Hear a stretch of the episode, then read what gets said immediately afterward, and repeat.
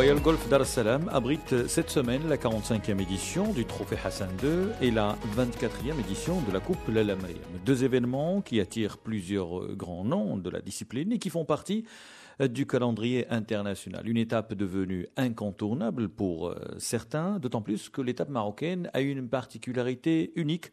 Pour nous en parler, Hafid Saïh, coordonnateur général de l'ATH, l'association du Trophée Hassan II. C'est une exception internationale parce que nous sommes le seul pays au monde aujourd'hui à organiser simultanément deux événements de European Tour la même semaine et surtout dans le même site, le Royal Golf d'Arsalem. Cette mixité, parce qu'en fait, c'est tout ce qui fait l'originalité de, l'organisation de ce tournoi, c'est que, au-delà du fait que nous sommes uniques au monde, mais ça fait beaucoup de buzz.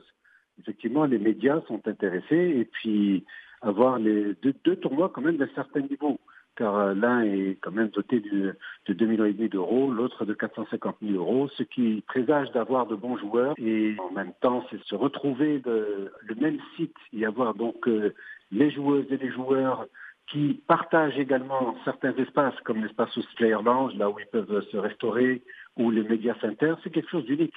Et donc le retour de la part de, du European Tour comme du Ladies European Tour est très très très positif.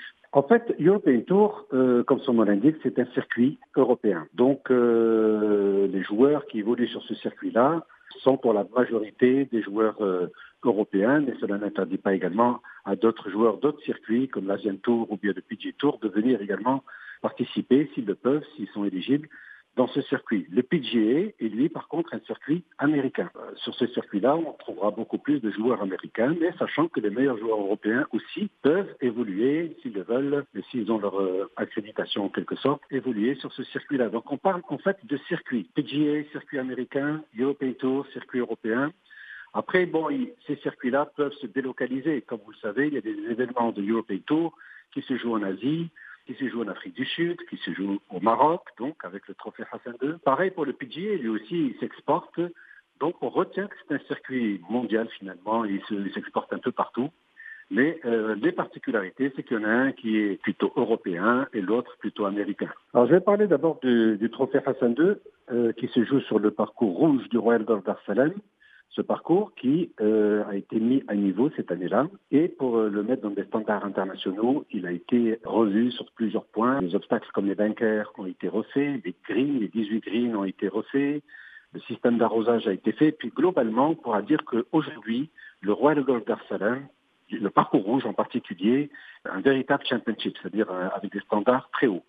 D'autant qu'il était déjà compliqué, mais maintenant avec cette nouvelle euh, configuration, en ayant rallongé un petit peu les départs. Donc il y a eu du lifting qui a été fait sur ce parcours-là, et en ajoutant des bunkers et puis en refaisant les greens qui n'avaient pas été touchés depuis de longues années. Donc cette mise à niveau était vraiment indispensable, ainsi que tout le système d'arrosage. Nous avons aujourd'hui un parcours qui est très challengé. Alors, il va être certainement euh, plus compliqué que d'habitude, donc on verra les scores cette année-là puisqu'aujourd'hui aucune grande compétition internationale n'a pu avoir lieu sur ce parcours. C'est le trophée qui va donc euh, l'inaugurer en termes de compétition internationale.